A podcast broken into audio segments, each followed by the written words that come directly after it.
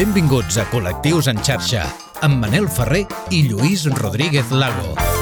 Què tal, com esteu? Benvingudes i benvinguts. Avui us portem un episodi que dedicarem a xerrar. A xerrar sobre la cultura pop, que ens agrada molt, Lluís. També parlarem sobre música, televisió i, per què no, sobre com la música s'ha convertit en una motivació i un acompanyament per les persones del col·lectiu LGTBI. Bueno, en general a tothom, però avui nosaltres parlant del col·lectiu, Exacte. Per fer-ho parlarem amb el periodista cultural Juan Sanguino, que sumarà aquesta conversa amb nosaltres dos mentre ens presenta també el seu nou llibre. Mhm. Avui al Col·lectius en xarxa, Juan Sanguino. Estàs escoltant Col·lectius en xarxa. amb Manel Ferrer i Lluís Rodríguez Lago.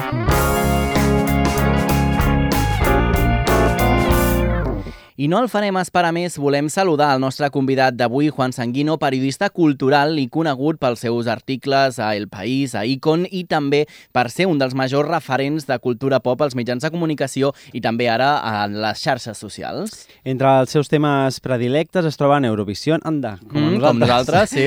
Operació Triunfo, anda, com nosaltres també, i tota la factoria de Telecinco, que amb ell comentarem i que segurament ens dirà que juguen un paper clau en la cultura pop d'aquest país. Juan Sanguino compta amb diferents llibres publicats, l'últim d'ells, Apriétame más fuerte, el año que Mónica Naranjo desató un millón de chonis, maricas y marujas. El saludem ja. Juan, ¿cómo estás? Bienvenido. Què tal? Hola, ¿qué tal, chicos? Gracias. Es la primera vez que Dime. escucho mi nombre ¿Sí? al unísono pronunciado por dos personas. Ah, hombre! Somos así de folclóricas en parte también, Ah, sí. Juan. por empezar un poco por el principio, ¿cómo podríamos definir el concepto de cultura pop? Eh, la cultura popular es eh, básicamente cualquier artefacto, Mm. cualquier elemento, cualquier ah, símbolo, cualquier producto que sea abrazado Mm. por un colectivo.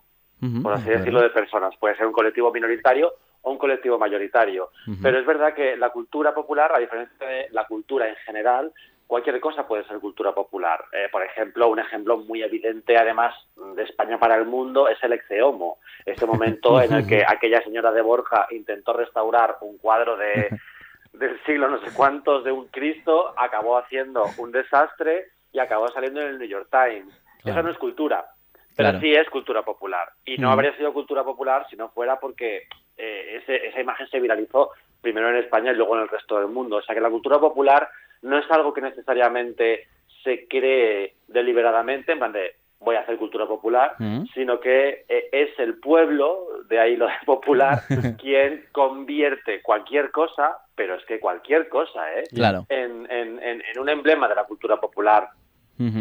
Mira, ahora Juan, eh, me he quedado pensando en eso que decías, que es la. Nosotros tenemos como muy interiorizado cuando saludamos a los invitados que lo hacemos a, a doble voz, que me ha recordado mucho a las galas estas de José Luis Moreno, que habían como cuatro o cinco presentadores a la vez, ¿no? De estas galas televisivas, ¿no?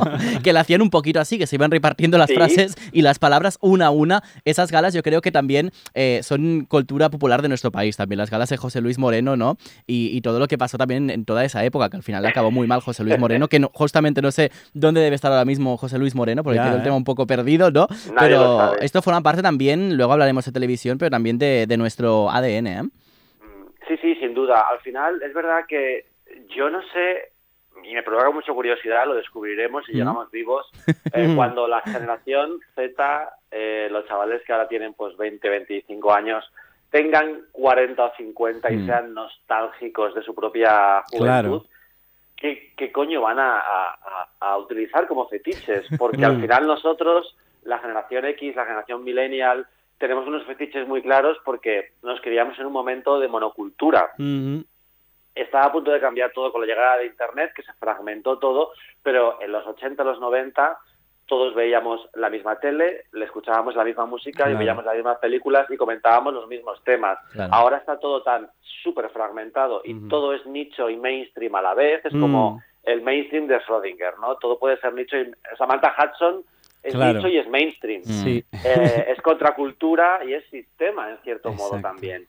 Eh, entonces, en ese sentido es curioso porque estas galas televisivas, eh, cualquier cosa que pasara en la televisión de los 90, cuando todos, todos teníamos cinco canales, era cultura popular inmediatamente, incluso a pesar, o quizás especialmente gracias a que solo lo viéramos una vez. Claro. Y eso Mm. yo lo vi muy claro cuando el- escribía el libro de, de Palabra de Mujer. Mm. eh, todo el mundo recuerda descubrir a Mónica Naranjo de sorpresa, sorpresa. Fue como Mm. si ella saliese de la nada, bajase del techo y se convirtiese en una superestrella del pop. Pero eso es un recuerdo colectivo. En verdad, mucha gente ya conocía a Mónica porque su disco ya era top 10 Claro. eh, en la lista de ventas. Pero a la- a la- a la vez- al, no haber- al no tener YouTube en aquel momento y no poder ver y rever, Y rever, los- los- ujú. lo que pasaba, pues todo ocurría una vez. De, de ahí que saliese aquella leyenda urbana tan esperpéntica Claro. de Ricky Martin De Ricky Martin. Mm. porque no había manera de comprobar que no existía. Claro. Entonces era muy fácil creerse que sí existía. Hoy, hoy en día eso es imposible porque con la, con la con, con el soporte digital nadie, o sea, es muy fácil consultar si ese programa se había emitido, pero en aquel momento no. Entonces Mm. la cultura popular, la monocultura tenía algo de comunidad, creaba comunidad y además eh, creaba momentos efímeros que la gente eh, recreaba al contarlos al día siguiente en la oficina, en Claro. el colegio. Y era una- un ejercicio también, pues eso, de, de crear vínculo, ¿no? Con los, con los demás compañeros y los demás trabajadores. Juan, en tu caso, te has alzado como una de las voces autorizadas en nuestro país cuando se busca un perfil que haga un comentario sobre la cultura más trash, ¿no? ¿Esto se estudia o, o se basa en lo que has aprendido tú en tu propia vida? Porque yo también, yo creo que Manel, yo y mi amigo Sergio Vega podríamos ser eh, catedráticos también de, de- de algunos temas porque tenemos una información en la cabeza que a veces no sabemos Claro. si sirve o no sirve para algo. Pero tenemos. Información pero tenemos. completamente inútil que seguro que vuestras madres también nos decían, cuando estabais con las revistas, decían, pero ¿para qué quieres tantas revistas? ¿Pero para qué quieres todo esto? Yo no me acuerdo del nombre de mis primos, pero Ah. sé eh, todos los nominados a los Goya de los últimos 30 años. O sea, hay, hay como...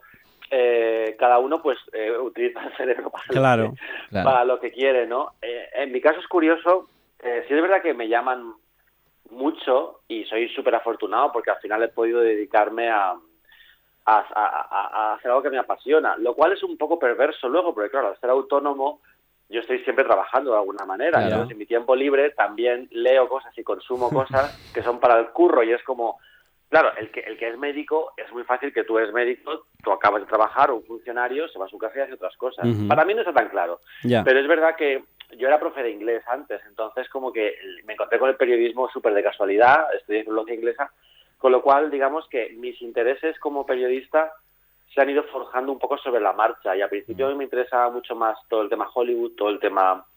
Era muy mitómano, me gustaba mucho leer de pequeño a Terence Moyes, por ejemplo, esta idea de las estrellas de cine como, como ídolos de las estrellas del cielo, ¿no?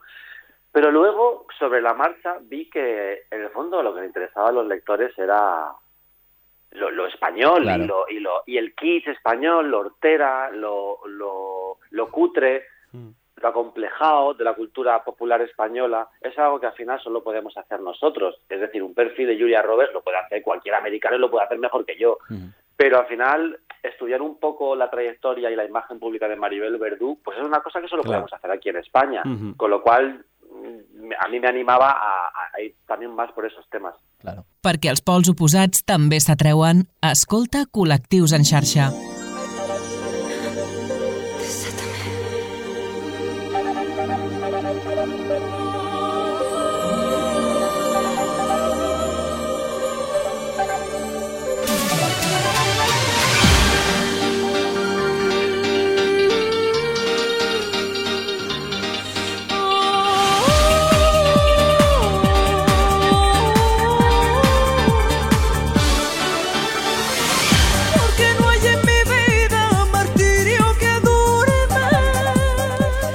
Apriétame más fuerte el año que Mónica Naranjo desató un millón de chonis, maricas y marujas. Es eh, tu último libro. En el título dejas muy claras las intenciones de este y te preguntamos qué papel ha jugado Mónica Naranjo en la cultura de nuestro país y yo diría también ya en la cultura marica directamente de nuestro Porque país. es que esta Juan. intro, yo con esta intro siento cosas. Claro, porque, claro, sentimos cosas y recuerdos. Sí, yo además yo siempre digo que yo tengo como dos momentos personales de, de, de ser atravesado por Mónica Naranjo. El primero es cuando salió este disco, que yo también recuerdo que la descubrí en sorpresa, sorpresa, seguramente fue así, em, porque no- yo solo escuchaba los 40 principales y en aquel momento los 40, tal y como cuento en el libro, a Mónica no la querían tocar ni con un palo. Ya. Pero mm, tuve este momento de repente de eh, perder la cabeza en mi habitación eh, con Mónica y obsesionarme con, con ella y con esta cosa que tenía ya coplera, porque mi madre era muy de pantoja. Los-. Los, los, eh, viajes en coche de pequeño al pueblo de mi padre, que estaba en Badajoz, antes de la autovía, eh, tardábamos seis horas. Eran todo curvas, entonces había mucha pantoja, mucho serrat, mucho de un candú, mucho mecano. Y digamos que eh, Mónica era como una actualización de esas canciones folclóricas, pero con sonidos de Eurodance. A mí me gustaba mucho, pues, eh, Limited, Ace of Base, todo este, este dance pop que se hacía en, en Europa, y era como una cosa que a mí me, a mí me atraía muchísimo. Y viví, y viví mucho ese año y medio, esos dos años de, de Palabra de Mujer. Y luego, digamos que aparqué un poquito mi fanatismo por Mónica y cuando salí del armario a los 20 años empecé a ir por locales de ambiente en Chueca, en Claro. Madrid, vi a esos maricones eh, bailando con una pluma loca total con esas canciones y yo que venía de reprimir esa pluma en, en, en Alcorcón, donde mm, pues en Maná, evidentemente clavado en un bar, no te vas a poner a, a- a bailarlo con las manos para arriba. No. Para mí como que me fue un redescubrimiento de Mónica y del efecto que tenía. Y eso es una cosa muy importante para, para el colectivo, que además se insistió mucho en el... A mí me sorprendió, ¿eh? Cuando estaba estudiando la hemeroteca de, de Mónica Naranjo, cuantísimo se asoció su nombre al colectivo e incluso a lo mejor nuestras madres todavía se acuerdan de aquello. Claro. Eh, cuantísimo se mencionaba el colectivo gay como un nuevo demográfico que interesaba Mm. a las marcas y a las empresas, eh, porque hay que dejar claro que los gays no se integraron en la sociedad eh, como ciudadanos dignos, sino como consumidores Exacto, tolerables. totalmente. Sí, sí, sí, sí, lo Y hemos eso hablado. es, es- eh, hay, que- hay que recordarlo porque luego se- estas cosas se olvidan muy rápido y no hace tanto tiempo de esto. No. Y luego también, paralelamente, estaba ocurriendo el fenómeno de los extrarradios. Eh, las ciudades de alrededor de las capitales que crecían vertiginosamente en los 80 y los 90 porque tenían muchos hijos. Mm. Eran clase obrera y eran niños que pasábamos mucho tiempo en el parque, en el parquineo, en el polígono eh, y bailando bacalao. Entonces, digamos que ahí se creó una subcultura absolutamente despreciada por, por el mainstream, que de ahí surge el fenómeno Camela, por supuesto, pero también Mónica Naranjo o Estopa eran grupos Sí. eh, que eh, arrasaban en los extrarradios y que por eso despertaban cierto desdén por parte, digamos, de la crítica musical especializada. Pero al final, ahora estamos en un momento en el que tú ves a Rosalía, ves a Bad Gyal, ves a La Zoe, ves a Zetangana y entiendes que son los artistas más punteros ahora mismo de España, cuyos referentes son de parquineo y de extrarradio y de y esta cosa folclórica que en los 90 el folclore estaba muy denostado. O sea, yo recuerdo, por ejemplo, eh, Rocío Jurado defendiendo la copla y diciendo que las letras de León y Quiroga fueron lo que realmente conec- conectaba con el pueblo. Dice, ella, Rocío Jurado lo explicaba muy bien. Decía, "Ro- el, el pueblo no leía a Lorca, las marujas no leían a Lorca, escuchaban las coplas. Y cuando por fin les llegó Lorca, entendían las- el imaginario de Lorca porque se parecía al de León de Quiroga. Es interesante, ¿no? Y decía Rocío Jurado, Antonio Gala decía que en las coplas de León de Quiroga hacían mucha mucha compañía a las señoras, a las amas de casa, a los niños mm, solitarios, a las mujeres mm, despechadas, marginadas de la sociedad.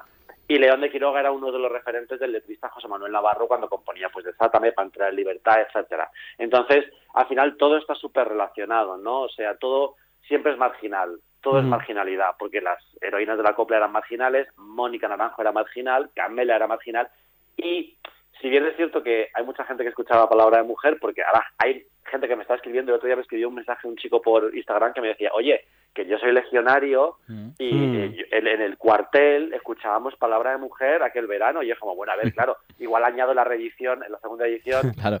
eh, chonis, maricas, marujas y legionarios, un título madre mía. aún mejor, Wow, ¿eh? pero es verdad que Mónica gustaba mucho también de los pijos.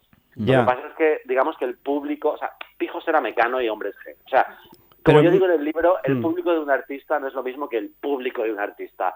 A Mónica la compró todo el mundo, pero el público vinculado a Mónica eran las chonis, los maricas Claro. y los marujas. Sí, porque los, los otros eran un poco más en la intimidad.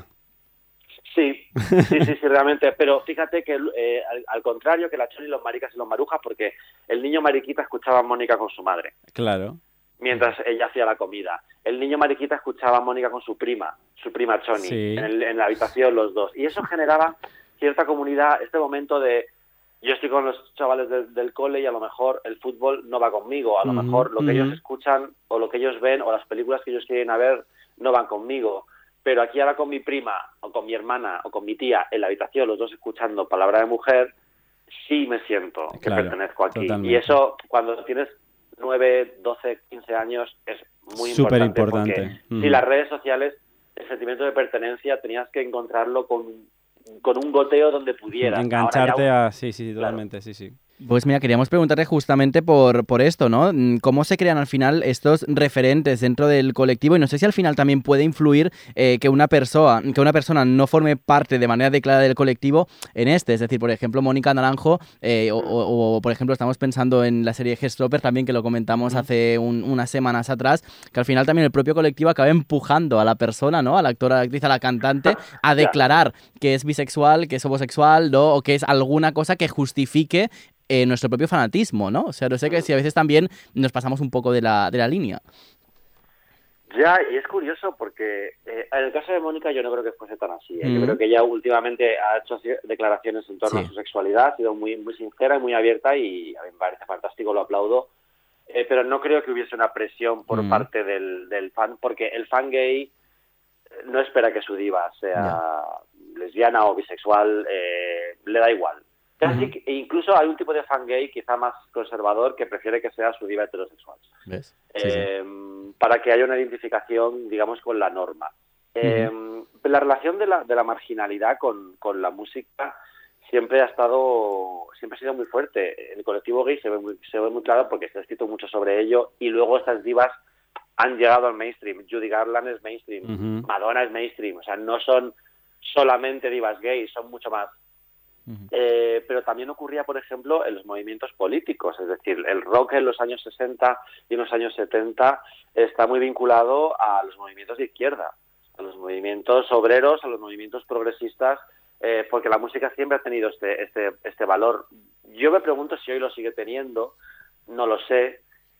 Tiene cierto, por ejemplo, una, la- una artista como la Zoe puede tener un valor muy, muy emancipador entre su público, pero no sé si es tan explícito como, Pero Como menos antes. politizado, yo creo, ¿no? Puede menos ser. politizado, Sí. digamos, pero es que ahora es como, como decíamos antes, de todo es mainstream y todo es nicho. Es que ahora parece que todo es política y todo es apolítico. Claro. Ya. Ujú. En plan, a mí la Zoe me parece mega política. Ya. O sea, su existencia, igual que Badial o Rosalía.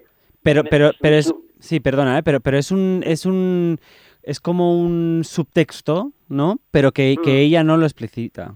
O, o- o me equivoco yo. no, sé. pero es que los, pero es que los artistas en este sentido siempre han sido Ya, muy prudentes. Ah, claro, ya lo entiendo. Sí, sí, sí. Acu- acu- acu- Acuérdate de Llavera Sola o de Marta Sí, Sánchez. sí, sí, vamos, sí. eh, la política era como si, como si no existiera. Mm. Cuando pueden tener ellas lecturas políticas. Y tenían, en el caso de Llavera Sola, algunas letras políticas, por ejemplo. Pero era, digamos, una versión mainstream eh, amable Mm. de, de conflictos sociales.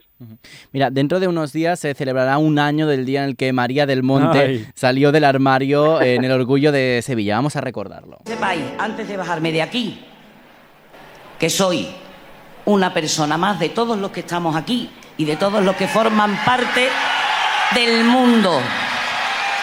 Bueno, esta declaración, ¿eh?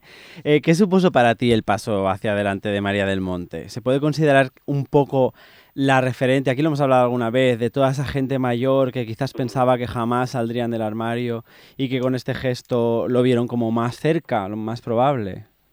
Em, eso de- debería decirlo cada persona Cada de persona. la generación de María del Monte. En el caso, como María del Monte, digamos, mediáticamente, que es como yo la, la puedo percibir solamente, creo que sí que da visibilidad, y pasa también con Jorge Cadaval, ¿Mm? eh, Mm. sí que dan visibilidad a un tipo de, de miembro del colectivo que no sale tanto en la tele, porque es verdad que siempre se hace como el, el, el mariquita, pues es de entre 20 y 30 años, Sí. normativo, delgado, Mm. guapo, Guapísimo, ya, ya, simpático, ya. muy Mm. petarda.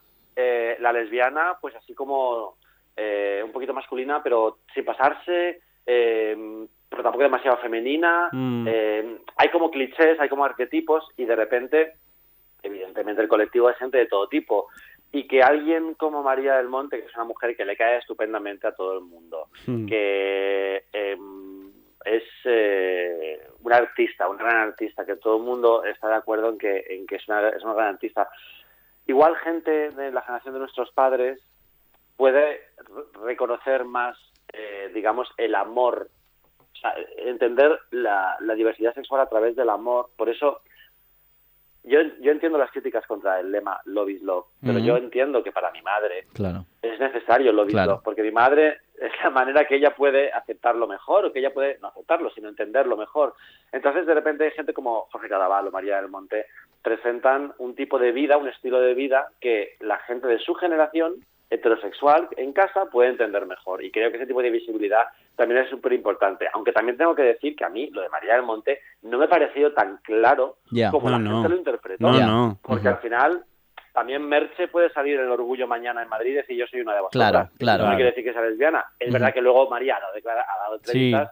Ahondando en el tema. Pero como que se interpretó inmediatamente, igual que luego se interpretó con la pantoja también, sí. cuando dijo la, la misma frase, que también es como la pantoja que no da puntada sin hilo, No, la no. misma frase palabra por palabra en el orgullo de Madrid. Y cómo hemos cambiado, qué lejos ha quedado aquella amistad. En 2020 publicaste el libro Cómo hemos cambiado, en el que explicas a través de la cultura pop la evolución de la población. En este te apoyas en hits históricos como cuando a Sabrina se le escapó un pecho en televisión, el crimen de Alcácer y, la- y su cobertura mediática, del que aquí hemos hablado también, el boom de Messenger y cómo todos pasamos allí pegados horas y horas. ¿Crees que se usan suficientemente estos argumentos para ser estudiados como sociedad? Bueno, yo creo que se usan demasiado. Ya. Te lo dice alguien que forma parte del problema. creo creo que, que ha, habido un efecto péndulo muy grande porque cuando nosotros éramos pequeños, eh, la cultura popular era solo existía en las calles. Solo Mm. existía en las calles y las revistas como de usar y tirar, pues a nuevo vale, como revistas para adolescentes que no tenían que no tenían ningún tipo de caché cultural, ¿no? Y luego, cuando la generación millennial creció y empezó a ocupar, empezamos a ocupar, eh, digamos, puestos de referencia, pues como periodistas o como escritores o como eh, youtubers o como influencers o pienso ahora, por ejemplo, en el caso del podcast de Cuarto Millennial de Sí, estaba pensando en eso mismo yo ahora. sí. súper amigas mías eh, que me encanta el podcast, pero Mm. eh, digamos que es una e- ese podcast se llama Cuarto Millennial porque es un podcast muy millennial y que Mm. hace 20 años no, no tendría ningún sentido y Claro. dentro de 20 probablemente tampoco lo Claro. tenga. Eh, los millennials somos muy pesados con nuestra cultura popular eh, y eso lo, explica, lo expresaba muy bien Bert Easton-Ellis, que estuvo el otro día viéndolo aquí en la Fundación Telefónica en Madrid, que dio una charla, y él decía, cuando yo era pequeño, cuando yo era adolescente, estábamos deseando hacernos mayores. Sí. O sea, yo ahora veo un tío de 40 años vestido de Thor y no entiendo cuál es la motivación. Y es verdad que, evidentemente, hay que respetar que la gente se vista Claro. de Thor y vivimos en un mundo libre para que cualquiera se vista de lo que le dé la gana. Pero sí es verdad que es una cosa muy millennial, que Sí. la generación X, que son nuestros hermanos mayores, cuando cumplían los 18 años, iban a la universidad o se ponían a currar, Y se acabó. rompían Eh. con sus gustos infantiles. Exacto. O sea, tú no, no te imaginas a, a- a una persona eh, en el año 97 de 30 años diciendo, ay, Comando G, ay, Heidi, ¿sabes? No, No. eso no, eso no Quiero que hagan el porque- remake. Claro. No. Claro, efectivamente, como que te habías pasado la vida, la vida infantil, tu etapa infantil rompías con todo eso y luego empezabas ¿eh? a formar tu gusto adulto. El gusto millennial es un continuo. Es un continuo y no, y no va hacia adelante, sino que va en círculos. No se retroalimenta, Y- sí, sí. Es, efectivamente. Entonces, cuando empezamos a... Yo recuerdo, cuando empecé a, a trabajar como periodista, como no me lo esperaba, porque, como he dicho antes, era profe de inglés, yo reivindicaba mucho la cultura popular, en plan, la cultura popular se necesita que la reivindiquen. Y es como, Claro. eh, ahora ya no, ahora han pasado 10 años y es como, vale, hay que reivindicar el cine de Dreyer y el Mm. cine de Berman. Porque nos hemos pasado. Y, y yo cuando leo cosas en Twitter como, "Ay, se habla poco de que Jumanji es una... No, Jumanji no es una buena película. La vi con nueve años. Y, y no se habla poco, se habla todo el rato. Todo se habla todo el ¿vale? rato, Igual que se habla todo el rato de OT 2017 y OT Eso. 2001 y, Mm. y, y basta ya, por favor. Entonces, El Rey León y La Padre que los parió. Entonces ahora es verdad que eh, hemos pasado de no, de no considerar la cultura popular válida a considerar lo único válido Ujú. La cultura popular. Y creo que lo ideal sería un poco de equilibrio y leer un poquito más de Es poesía a lo mejor. Total. Segueix-nos a les xarxes. Busca'ns i recupera tots els nostres programes, imatges i vídeos exclusius. Col·lectius en xarxa, a Twitter, Instagram i a les principals plataformes de podcasting.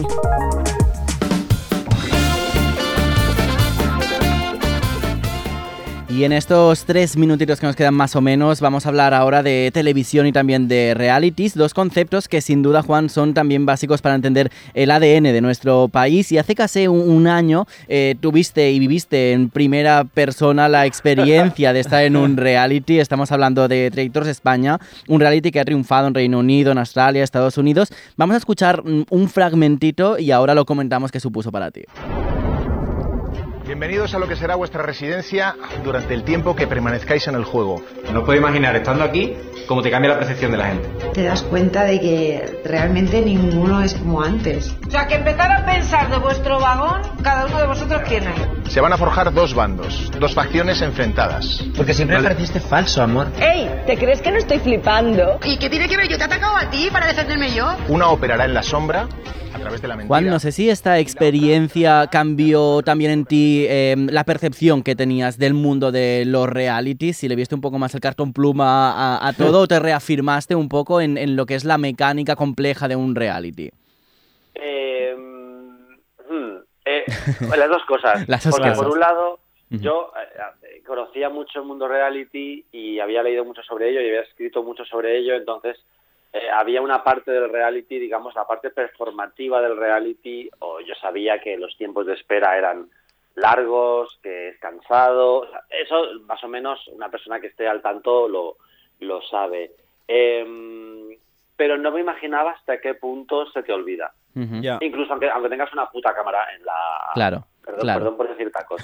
Que soy muy... Yo también soy muy de esta radio, como la... soy muy marica, muy choni y muy maruja. Total. Eh, y, y, y es eso, o sea, yo recuerdo estar hablando con, con mis compañeros de estrategia de lo que fuera y, y que de repente venga el cámara y tú dices, te pones así un poquito más de lado para que salís mejor, pero luego enseguida se te olvida. Claro. Eh, y eso yo, fíjate que pensaba que no era así. Y me sorprendí a mí mismo olvidando las cámaras. Es Pues curioso fíjate. cómo es el ser eh. humano, ¿eh? Sí, sí, totalmente. Y esto reafirma un poco pues lo que hemos visto en, en televisión. Y para acabar, no podemos mm, acabar esta conversación contigo sin hacer referencia a estas últimas páginas que está escribiendo Sálvame. Ya hago servir el vocabulario de estos últimos días, las últimas páginas, las últimas horas de Sálvame. Juan, como eh, seguidor del programa, también como compañero y supongo que también amigo de Jorge Javier Vázquez, porque colaboráis en un audio podcast eh, juntos, y como crítico de, de tele, ¿qué crees que supone el final de Sálvame eh, también para nosotros? ¿No sé al final nos hemos acabado creyendo que con el fin de Sálvame se acaba casi el mundo o hay una parte de razón que sí que, que se acaba algo con el final de este programa? Lo que se acaba con Sálvame es eh, la televisión con posibilidades. Mm, Nosotros crecimos en una televisión eh, con- llena de programas en directo. ¿Qué apostamos? Sorpresa, sorpresa. ah, Grand Prix. eh, Operación Triunfo. Mm. Eh, había muchísimos programas en, en- en directo que tú lo ponías y literalmente cualquier, podía, cualquier cosa podía pasar. Ujú. de, de ahí la leyenda urbana de Ricky Martin. Mm. Esto con el tiempo ya va desapareciendo. Hoy más single está grabado, más Claro, está claro. grabado, tu cara me suena está grabado. Mm. No hay sensación de posibilidad. Y la sensación de posibilidad, de posibilidad te, te, te llevaba a, o sea, cuando, cuando Jesulín se bajó Sí. los pantalones Ya, en- con Mercedes Milá o cuando eh, Paco Umbral dijo yo quiero hablar de mi libro. Estas cosas absolutamente impredecibles eran lo que te mantenía enganchado a la tele en los 80 Mm. y los 90. Hoy eso ya no existe. Y Sálvame era eso llevado a la enésima potencia, porque Sí. eran cinco horas en directo todos los días, en los que literalmente cualquier cosa podía pasar. Y con el final de Sálvame se acabó un poco esa tele anárquica y caótica e impredecible con la Mm. que hemos crecido. Entonces sí, es el final de una era. Pues veremos eh, para dónde sigue y si Oh. continúa o no eh, en otra plataforma o en otra manera de verlo. Juan Sanguino, muchísimas gracias por acompañarnos y por pasar Muchísimas este rato. gracias. Nos lo hemos pasado muy bien. Igualmente, chicos. Que vaya beso. bien, gràcies. I no deixeu de llegir-lo amb el seu darrer llibre. Uh, I nosaltres marxem, Lluís, tornarem Sí. encara la setmana que ve amb un programa més. En queden encara dos abans d'acabar la temporada. Ah, sí. Gràcies al Carles Soler Piqué per acompanyar-nos i marxem escoltant aquí. Desátame a Clar, Mónica Naranjo, vamos. Gràcies, adeu.